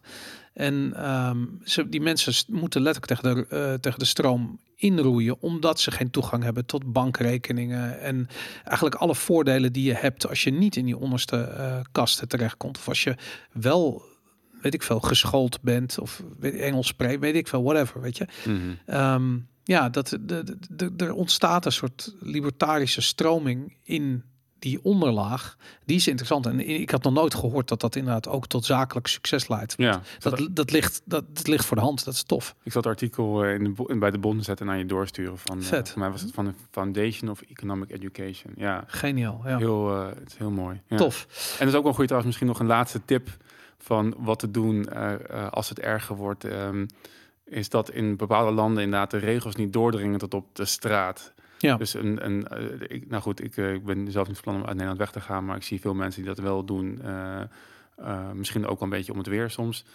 Maar zoek een land uit als je dat wil doen, inderdaad, waar de handhaving minder sterk is dan in Nederland. Want dat heb je Ja. best wel in veel Aziatische landen en ehm, waarbij dat gewoon niet te doen is. Nou, het, het is een interessante. Kijk, er zit een interessante kant aan corruptie. En dat is namelijk dat het de overheid ondermijnt. mhm. En ik kan me goed herinneren toen ik, ik weet niet, ik, ik was jong in ieder geval. Ik denk misschien nog net geen 18. Ik weet, ik had in ieder geval geen autorijbewijs. Ik Mhm. was in Indonesië en ik had een motor eh, gehuurd. Dus ik wou eigenlijk een brommer huren. Maar goed, ze hadden zoiets van, hey, we hebben geen brommers. We hebben alleen die, die soort van eh 500 cc eh racemotor die daar zo 750 zijn, weet ik veel wat het was. En eh, het was veel te groot voor mij. Maar ik had zoiets van, fuck it, ik ga gewoon op dat ding rijden. Weet je? Zonder helm, en dat kon allemaal gewoon. En ehm, eh, ik, had, ik had geen eens een autorijbewijs, maar dat was niet, verder niet zo'n probleem. Dus ik rijd op dat ding en ik word, eh, eh, het ging eigenlijk vast goed. Het is allemaal niet zo moeilijk om auto te rijden. Ik kon brommen rijden, dus ik, weet je, god, het gaat wat harder. Mm, ja. En, eh, en ik werd aangehouden op een gegeven moment. En eh, achteraf gezien werden alle toeristen werden gewoon langs de kant gezet om te kijken wat, ze, wat er te halen viel. En, eh, en die agent die zegt zo van, eh, ja, dat eh, mag ik je rijbewijs zien? Ik zei, ja, even niet bij me. Weet je, het is lastig met mijn zwembroek hier op die motor, ik weet niet. En die gast die gaf me een boete. Zei van, nou, dan krijg je een boete. En ik zei, kut, weet je, dat gaat mijn vakantie. En dan zei van, ja, dat is, en het was omgerekend, was dat toen, was 10 gulden toen in de tijd. en ik had echt zoiets van, oké, 10 gulden, weet je. En ik, en maar ik realiseerde me gewoon van, fucking hell, weet je. Ik bedoel, in Nederland word je, daar word je kapot beboet als je buiten de lijntjes loopt. Hoogste boetes van Europa. Precies. En in dat soort landen heb je gewoon, zijn de boetes heel betaalbaar. En sorry, maar als jij geen rijbewijs hebt en de prijs die je daarvoor betaalt is 10 gulden, wie heeft er dan nog een rijbewijs nodig? Mhm. Weet je, dat, dat idee, dat, ik, dat muntje viel toen en ik realiseerde me gewoon van fucking hell, dat is fantastisch, weet je. Terwijl, en ik heb hetzelfde een keer gehad met iemand die tegen me zei, eh, ik, eh, we hadden eh, wielklemmen eh, hier. Eh, ik had een wielklem en ik eh, liep met een vriend van me en die, die kwam volgens mij, die kwam uit het Oostblok ergens. En die moest een hele vervelende grens over. En die grens dat duurde, weet ik veel, 12 uur voordat ze je doorlieten, tenzij je 25 euro betaalde. Weet je, en ik zoiets van, hij vertelde dat en ik had echt zoiets van fucking hell, weet je, dat is corruptie. Weet je, en ik zei, hij zo, 25 euro om niet 12 uur eruit te staan. Waar hebben we het al? Hoe lang staan we ja. nu te wachten voor dat parkeerbeheer jouw wielklem komt weghalen? En wat kost dat precies? En ik zei, ja, fucking hell, dat was toen 200 euro voor die, voor die wielklem. En ik had echt zoiets van, hij heeft gelijk, weet je. Ik bedoel, als, als corruptie maar betaalbaar is. En dat is het automatisch, want er is niks wat meer de vrije markt incentive volgt dan corruptie. Mhm. En toen had ik zoiets van, ja, er is, valt wat voor te zeggen om naar een gebied te verhuizen wat gewoon extreem corrupt is. Ja, Zolang je het kunt betalen. ja, precies. En Ja. dat, ehm, ja. Ik vond het verhaal ook mooi. Ik weet niet wil vertellen. Het verhaal van jou in Thailand met die twee toeristen. Ja, ik was een, eh, eh, ik zat op een gegeven moment, eh, ik, ik was in mijn eentje met een rugzak door Thailand aan het trekken en ik zat in het noorden in een plaatsje waar jij recent geweest bent ook, Ja. hoe, hoe heet Pai. het? Pai inderdaad. En dat is een soort bergdorpje in het noorden, niet ver van de grens met, met Laos en ehm heet het andere land daar, Ehm, Myanmar en zo daar in de buurt. En eh, eh, daar wordt nogal veel wiet verbouwd. Dus daar kun je makkelijk kan je daar een jointje op steken. Maar het ding is, ehm, je, waar, waar je als toerist makkelijk kunt blowen zijn bepaalde jeugdherbergen. Vaak hebben die dan, weet ik veel, die hebben een soort tuin en dat is dan afgezet. En daar, daar, daar weet ik veel, hebben ze een zwembad of whatever. En dan zitten gewoon allemaal toeristen zitten daar te blowen. Terwijl het natuurlijk streng verboden is in Het Thailand. ja, Dus- nu niet meer, maar toen wel. En dat, eh, dat is nu toevallig recentelijk is dat, is dat veranderd. Maar toen het was streng verboden. En ze zeiden ook van ze verkochten gewoon openlijk wiet daar in die, eh, eh, in die, in, in die tent. Maar ze zeiden erbij: neem het niet mee naar buiten. en ik, ik, ik weet hoe het daar werkt. De reden dat ze dat zeiden is van eh, zij hebben de politie betaald om daar niet binnen te komen. Dat betekent dat de politie automatisch voor de deur staat te wachten als je naar buiten gaat. Dus neem het niet mee naar buiten. Niet weet je, wees je bewust van hoe dat Mhm. werkt. Ze leggen het niet uit, maar het wordt je, als je een beetje streetwise bent, word je geacht te snappen hoe dat werkt. Mhm. En ehm, nou goed, weet je, het was een gezellige avond. En eh, ik loop op een gegeven moment naar buiten en ik zie daar een, eh, een Amerikaans stelletje. Nou, misschien ergens halverwege de twintig of zo. Het meisje huilen, weet je. En die jongens, een lijk bleek op een, op een scootertje. En eh, ja, bij die agent die daar stond. Twee agenten stonden er. En ehm, eh, eh, weet je, dat meisje is helemaal overstuur. En ik, ik had daar nog voor nog met ze zitten praten. En eh, dus ik loop er naartoe en ik, eh, ik vraag zo van, eh, wat is er aan de hand? Weet je, ja, weet je, gepakt met, met wiet. En hier in Nederland zijn agenten dan gelijk zo van, hey, weg, wegwezen hier, weet je, die willen die situatie controleren. Mhm. Maar daar is er wat anders aan de hand, want daar gaat het om geld. Dus die, ik kon er eigenlijk gewoon bij staan, weet je. En zij, zij huilen, want ja, ze moesten 1000 dollar betalen, allebei. Dus 2000 dollar Mm. in totaal. En dat hadden ze niet. En ze konden, ik wil, waar ga je midden in de nacht daar in een fucking klein dorpje in de bergen, waar ga je 1000 dollar pinnen, weet je. Dat is, dat is nogal een dingetje. En eh, dus dat ging niet. En huilen. En die agent zegt, jullie gaan de bak in, weet je, als je niet betaalt. En zeiden, oh, wat moeten we doen? Dus die ene begon al zijn zijn vader te bellen. ergens. En ik echt van, ah, weet je, hoeveel? En die guy was echt zo van, eh, ja, nou ja, wat ik zei, duizend, eh, duizend dollar. Ik zo van, nou, het is niet, niet, niet, laten we dat niet doen, weet je. 100, honderden man. en uiteindelijk was het 200 dollar eh, de man. Dus voor 400 dollar waren ze, waren ze, waren ze daar, konden ze weer Ja. doorgaan. Maar het grappige, wat ik echt leuk eraan vond, was het, wat ik bedoel, ja, het kostte mij geen geld, maar ik vond het gewoon, ik vond het grappig. Maar is dat zij op dat ogenblik zich realiseerden hoe het daar werkte. En ze waren zo naïef. En ze keken zo naar de overheid als instituut, wat onwrikbaar is. Ja. En waar je niet mee kunt onderhandelen. Mhm. Dat is hier ook zo. En in Amerika ook, weet je. Hier zijn dat, die, dat politieke instituut, daar kun je niet mee onderhandelen. Mhm. Maar in Thailand wel. En dat is het mooie eraan, weet je. En als En je niet dat... als burger in ieder geval hier. Ja, nou, precies, inderdaad. Ja, niet als burger, dat is Mhm. waar. Want als grote Kan je prima doen. Ja. Precies, en vooral met de Belastingdienst, daar valt van alles te onderhandelen, inderdaad. Maar dat, dat idee, en ik, en ik zag dat leerproces, weet je. En vooral toen die onderhandeling startte, die niet anders was dan een, dan een, dan, dan een handjeklap op de markt. Als je een of andere neppe Louis Vuitton tas ging kopen daar. Dat was exact hetzelfde. En die gasten hadden echt, en zij had echt, je zag haar, want ze stopte met huilen. En ze had echt zoiets van, Jezus, werkt dat zo? En het grappige was dat ze ook, nou goed, ze hadden Weet je, ik, ik had wat geld geleend. Ter plekke hadden ze, de, hadden ze die 400 dollars. Kom gelijk door. En ze begon me te bedanken. Weet je, en ik echt zo voor wat precies? weet Mhm. je? En ik echt, echt zei, ze zegt, nou gewoon, je hebt ons geholpen. Ik zei, ik heb je niet geholpen. Ik heb je gewoon laten zien hoe het werkt hier. Mm. Weet je, dat had ik je ook er binnen kunnen vertellen. Maar je, je, je, ja, weet je, dit is gewoon anders. En ik zag de, de kort daarop, dat was helemaal grappig. Er waren een paar Nederlanders. We gaan echt alle kanten op met deze podcast. Het gaat twee uur duren. er was, eh, waren, er was een groep in, eh, eh, waaronder een paar Nederlanders zijn in Cambodja. In, ehm, eh, god, hoe heet dat plaatsje? Hmm, veel. Dat ligt in het zuiden. en Dat is, een eh, Chinookville heet het. Mm. Eh, en die waren gearresteerd omdat ze op een feestje op scene aan het dansen waren. Was de, Mm. Zo kwam het in de pers hier. Mhm. Dat hadden ze gefilmd, hadden ze op Instagram of TikTok of weet ik wel iets gezet. En dat is in Cambodja niet, Mm. niet zo vanzelfsprekend als op andere plekken op de wereld. Dus die waren gearresteerd allemaal. En nou goed, op een gegeven moment stond er dan van eh, de meeste mensen waren vrijgelaten, maar die Nederlanders niet. En ik had echt zoiets van, waarom hebben die niet gewoon de boete betaald? Weet je, dat is raar. Mhm. En op een gegeven moment, er was een interview met, met de vader en die moest er dan naartoe. En er was een advocaat en een toestand en gezeik. En het kwam hier echt in het nieuws dat die, dat vooral die, dat, dat meisje, en volgens mij was er ook een jongen bij, in ieder geval, die kwamen niet zomaar vrij. En het grappige was dat ze pas toen ze een advocaat in de arm hadden genomen, die gewoon heeft gezegd van, jongens, jullie moeten gewoon betalen, dan mag je naar buiten. Waarom snappen jullie dat nou niet? Mm. En toen pas waren ze vrij, opeens. Mm. En het bizarre is dat die mensen gaan dan daar op vakantie, weet je, die, die, die doen iets wat volgens de wet niet mag, zonder te weten hoe het daar nou echt werkt. Mhm. Dat is bizar. En je krijgt fucking van de, van, het, van, de, van de GGD krijg je een folder mee met alle tropische ziektes die je kan oplopen. Maar er is niet een folder die zegt van zo is hoe je in een corrupt land omgaat met de autoriteiten. Dat is bizar. En je moet dat weten, want anders zit je daar in de bak. Serieus. Mhm, Weet je? mhm. En dat, want die overheid heeft ook zoiets van ja, of je betaalt of je gaat de bak in. Maar zij kunnen niet zeggen van oké, we laten je wel gaan. Het is oké, dat kan niet. Mhm. Weet je. Maar over de bedrag wat je moet betalen kun je onderhandelen. Nou, nu hebben die Nederlanders hebben een dure advocaat ingehuurd. Die advocaat is gaan onderhandelen.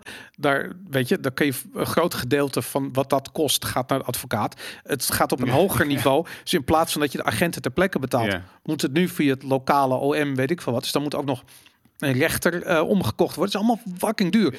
Waarom geef je niet gewoon ter plekke die, die 150, 200 dollar en loop je weg? Nee, dit hele drama moet zich ontvouwen voordat mensen een keer leren dat de overheid gewoon andere mensen zijn. Mhm. Weet je, het is niet, ze staan niet hoger, ze zijn Mhm. niet, ze, ze, ze, ze hebben een monopolie op geweld ja, binnen een bepaald spectrum, weet je. En wij zijn hier in het Westen zo eh, opgevoed met het idee van ja, de overheid, dat is de autoriteit. En wij zijn ondergeschikt aan die overheid en dat systeem, die bureaucratie, die, die regeert ons. En oh, als je buiten lijntjes loopt, ja, dan moet je daarmee dealen.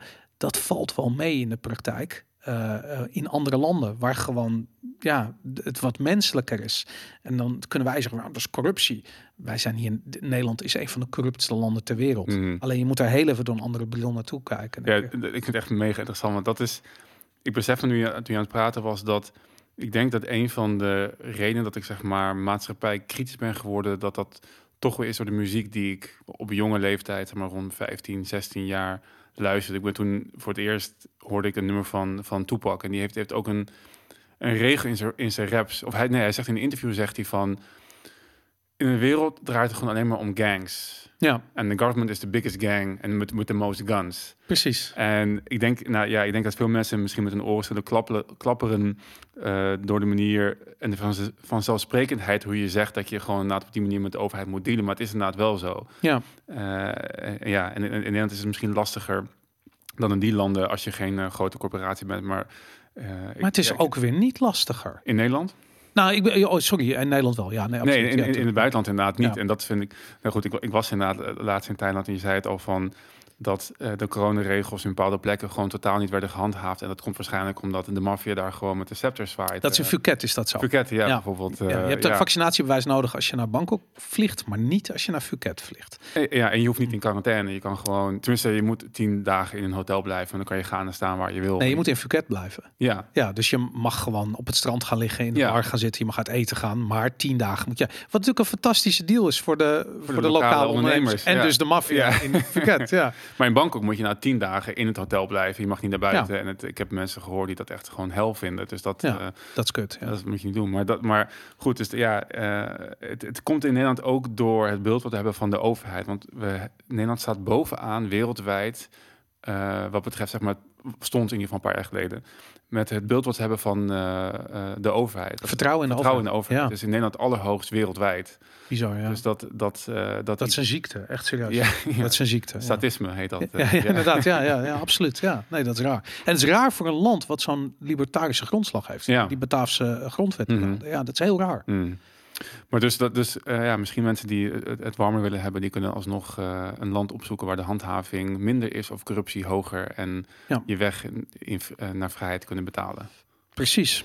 Ja, Inderdaad. dat plannen. Ja. Lijkt me wel lekker. ja de- ik weet dat je hebt een, ehm, ehm, een, een, een, een, een, een dame, een bitcoiner, die helpt mensen aan paspoorten. Het is allemaal via de legale weg hoor.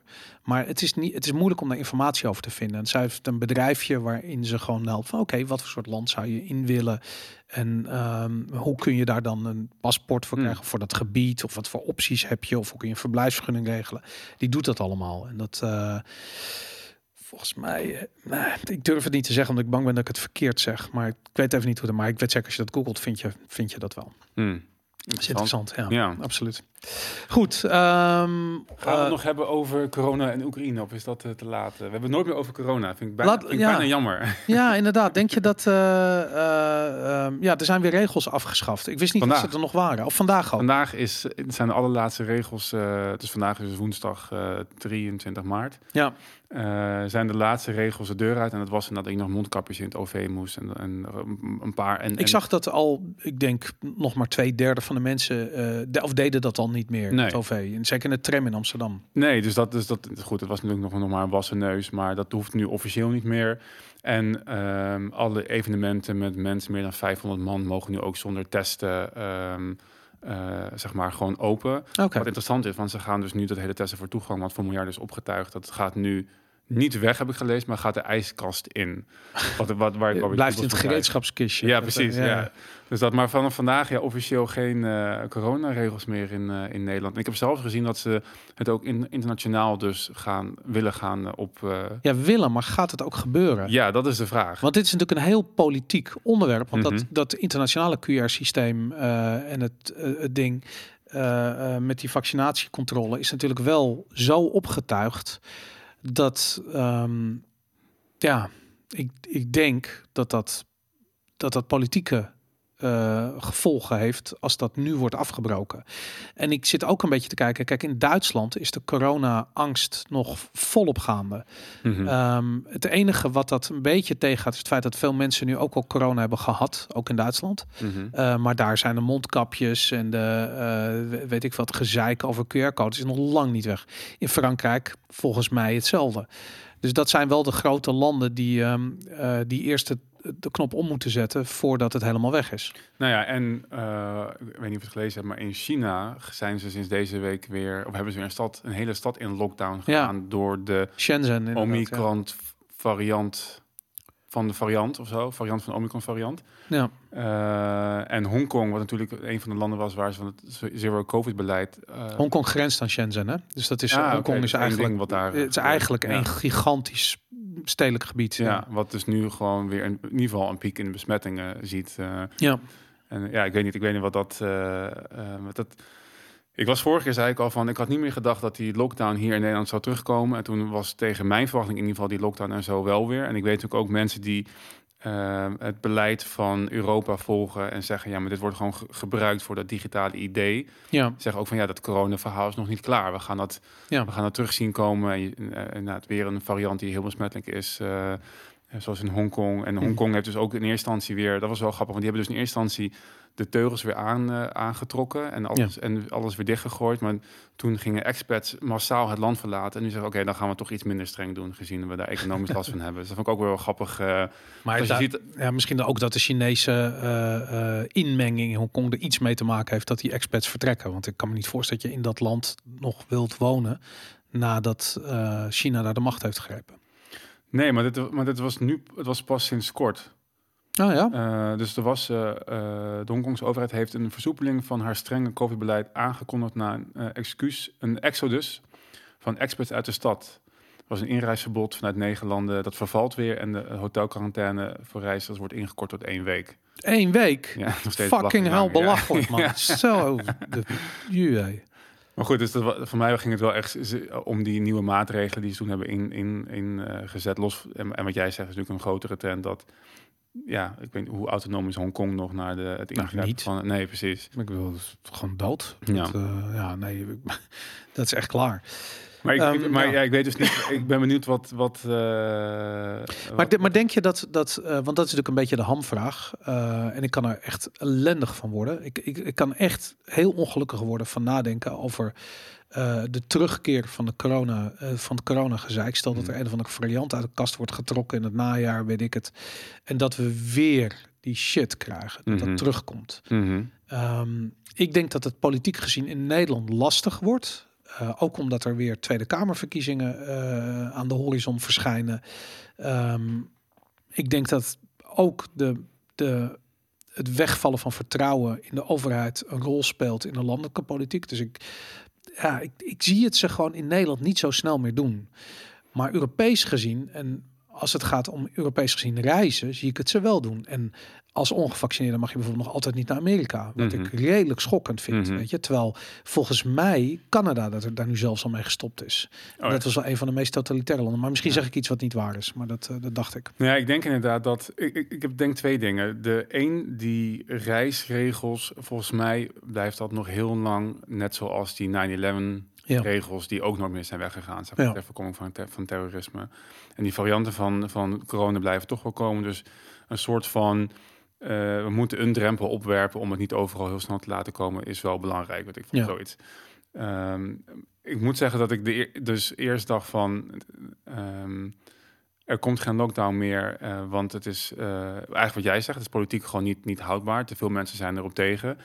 Daar twijfel ik na de laatste keer dus wel aan. Van, eh, van ja, volgens mij ook weer met die hoogmoed die bij politici speelt, Ja. denken ze, eh, ja, ik denk dat ze het wel, dat ze denken dat ze wel mee weg kunnen komen. En wat niet zo is, want het vertrouwen gaat verder afbrokkelen en instituties worden, worden minder vertrouwd, wat denk ik op dat, dat betreft wel weer goed is. Mhm. Maar ja, laat ik zeggen dat ik niet verbaasd ben als het terugkomt en hopen dat het net zoals vorige keer dat ik het fout heb. Ja, ja, ik, nou goed. Ja, oké, laten we dat nog even afwachten dan. Dat, uh, ik, ik juich gewoon niet te vroeg. Ik Nee. ben al genoeg teleurgesteld. Ja. Ik heb zoiets van, ik heb geen hoge pet op van, uh, um, van de mensen die onze vrijheden moeten verdedigen. Dus wat dat betreft, uh, ja, dat kan alle kanten op gaan. Mhm. Laten we het dan nog even kort hebben over, over Oekraïne. Mhm. Uh, lijkt me een goede afsluiter. Mhm. Ik probeer een klein beetje het nieuws over Oekraïne uh, links te laten liggen. Omdat ik echt de hoeveelheid propaganda uh, niet te harde vind. ja. En het is uh, uh, wat je hier ziet. Wij zien alleen maar pro-Oekraïne propaganda op onze nieuwskanalen. Maar ik vind het daarom ook belangrijk om bijvoorbeeld Russische kanalen te kijken. En daar gebeurt exact hetzelfde. Dus andersom. Het, andersom. Mhm. Het is, uh, weet je, de Russen zijn heel erg van de, de denazification. Dus die, die focussen zich heel erg op die Azov-brigade, die dus heel erg in het Mariupol zit. Uh, wij krijgen hier heel erg van oh, zielige uh, vluchtelingen en burgers. Ik bedoel, uh, wat daar wel aan klopt overigens is dat burgers echt tussen twee vuren Mhm. zitten. Uh, de Russen die staan dan uh, bij Mariupol en die hebben zoiets van we gaan niet alsof brigades die daar omsingeld zijn. Het zijn 3000 man die zitten in die stad. Die, die verschuilen zich in ziekenhuizen en scholen en weet ik veel wat. En die Russen hebben zoiets van die gasten gaan er niet levend uitkomen. Mhm. En die, die gasten willen de burgers niet laten gaan, want ja, als die gaan dan weerhoudt niets die rusten van die hele stad in puin te leggen. Uh, dus dat is een, dat is een vreselijke standoff Mhm. waar burgers echt het slachtoffer van zijn. Um, ik hoor hier niets over die Azov-brigade en het feit dat die gefinancierd en bewapend zijn door de NATO. Uh, ik weet niet, wij zijn gewoon openlijk nazi's uh, aan, het, aan, het, aan, het, aan het bewapenen en aan het supporten. En ik vind dat redelijk kwalijk. Mhm. Ik weet zeker dat dat iets is waar we na afloop van dit conflict heel veel over gaan horen. Mhm. Uh, maar nu is het, het zwijgt elke krant weer in alle talen. En dat is, dat is niks nieuws, want dat is gewoon die corona shit. Van het enige wat ze doen is de current thing supporten. En dat... Um, ja, ze, de, de, Nederlandse pers is de belichaming van die meme. Mhm. Support the current thing. Mhm. En er is geen... ja, er is, ik bedoel, heel veel mensen die ik ken die gewoon het Oekraïne-verhaal eh, ehm, blind geloven. En ja, het enige wat, wat, wat eigenlijk overeind blijft van al, tussen al die propaganda is gewoon het drama voor de burgers. daar. Ja. Dat is echt fucking vreselijk. Dat- Ik, ik vind het heel bijzonder dat ehm, ook mensen die een soort van wakker zijn geworden voor wat jij zegt, dus zeg maar de media en hoe de media werkt en, en gewerkt heeft ten tijde van de coronapandemie, ja, nu dan wel zonder, ehm, of niemand heel weinig vraagtekens, laat nu het, het eh, Oekraïne-verhaal gewoon wel slikken. En ja, raar is ziet, dat. Hè? je ziet dat die Zelensky, die, die, pres- die president daar, eh, is genomineerd, werd genomineerd. Voor de, mensen wilden hem nomineren voor de Nobelprijs van de Vrede. Fucking En hij wordt overal zeg maar, een soort van als posterboy voor de democratie zeg maar, neergezet. Van, we moeten dat land helpen en blablabla. Die man is een acteur. Hij is een Hij fucking acteur. hij is letterlijk, letterlijk een acteur.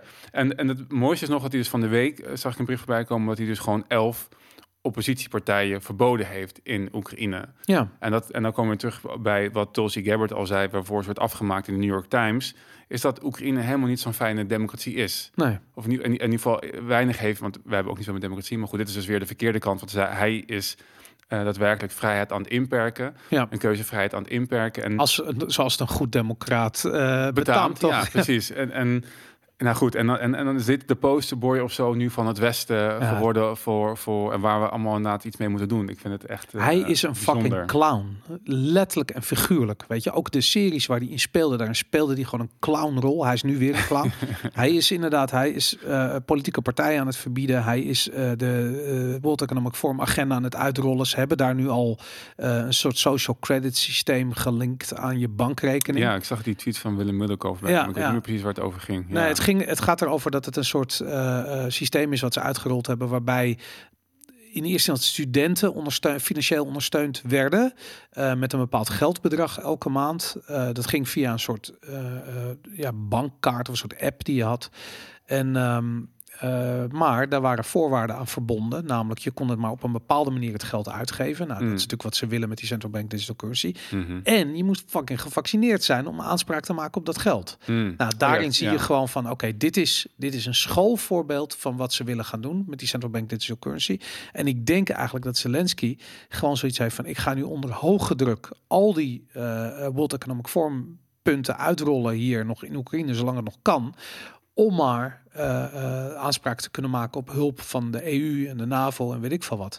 En ik denk eerlijk gezegd, dat heeft hij te horen gekregen van iemand als Rutte of zo, weet ik veel, of Kaag, of weet ik veel, Ja. Ollongren die daar dan recentelijk geweest zijn en die dat gewoon tegen hem gezegd hebben. En dat eh, en mensen moeten waakzaam zijn, want dat, is, dat staat echt op de planning om dat hier uit te rollen. Mhm. En ik denk uiteindelijk dat het niet gaat lukken, maar dat valt of staat bij of mensen zich realiseren dat ze tegen kunnen houden. En dat, dat grijpt weer terug op, op van hoe verhouden mensen zich tot de overheid. Mhm. En als ze zoiets hebben van ja, de overheid, dat is een almachtig orgaan die, die, die, die, die, die roept en wij zullen luisteren. Ehm, ja, als mensen er zo in staan, dan uh, dat, dat is problematisch. Ja, ik vond het wel mooi. eh, We hebben nog nooit eerder over gehad over dat het een corrupt instituut is en je kan je, je moet je weg daaromheen vinden. Dat is eigenlijk wat ik vorige week ook een beetje me afsloot. Want dat ik door corona wel heb geleerd uh, me aan mijn eigen wet en regels te houden, die, waar wel een moreel kompas aan ten grondslag ligt en niet diegene van de overheid. Uh, ja. En je daar inderdaad prima. Um, je kan er prima in wegkomen. Je kan prima je eigen leven zo inrichten dat je, dat je desondanks de overheid uh, een, een, een, goed bestaan kan opbouwen. En liever allemaal weg natuurlijk, maar zolang het niet weg is, dan moet je volgens mij het beste maken van de situatie. Net zoals um, de man, de schrijver van de in, in, in Search for Meaning, even zijn naam, Victor Frankl. Dat oh ja, waar je het vorige week uh, zei dat. Een ja. geleden over gehad heb, van die zei, ja, die zei ook dat ze het beste ervan maakte in de concentratiekamp. En nou, ja. nu nog lang niet zo erg hier, uh, maar ik vond het wel mooi dat hij uh, een soort van zingeving kon vinden in zijn lijden en in, um, in, in het het het beste van maken in een situatie wat gewoon bizar slecht is. Uh, ja. En ik merk dat veel mensen dat vergeten. Veel mensen die wachten af tot het beter wordt, tot ja. alle regels weg zijn, uh, tot we weer normaal kunnen doen. En ik weet niet hoe lang het gaat duren. En wil je je leven 10, 15 jaar, 5 jaar op pauze zetten tot het zover is? Ik denk dat je nu alles moet aangrijpen om het beste eruit te halen en, uh, en, niet veel acht moet slaan op wat de overheid uh, daarbij wil en doet. Absoluut. Mooie woorden om mee af te sluiten. Bedankt voor het kijken. Tot volgende week.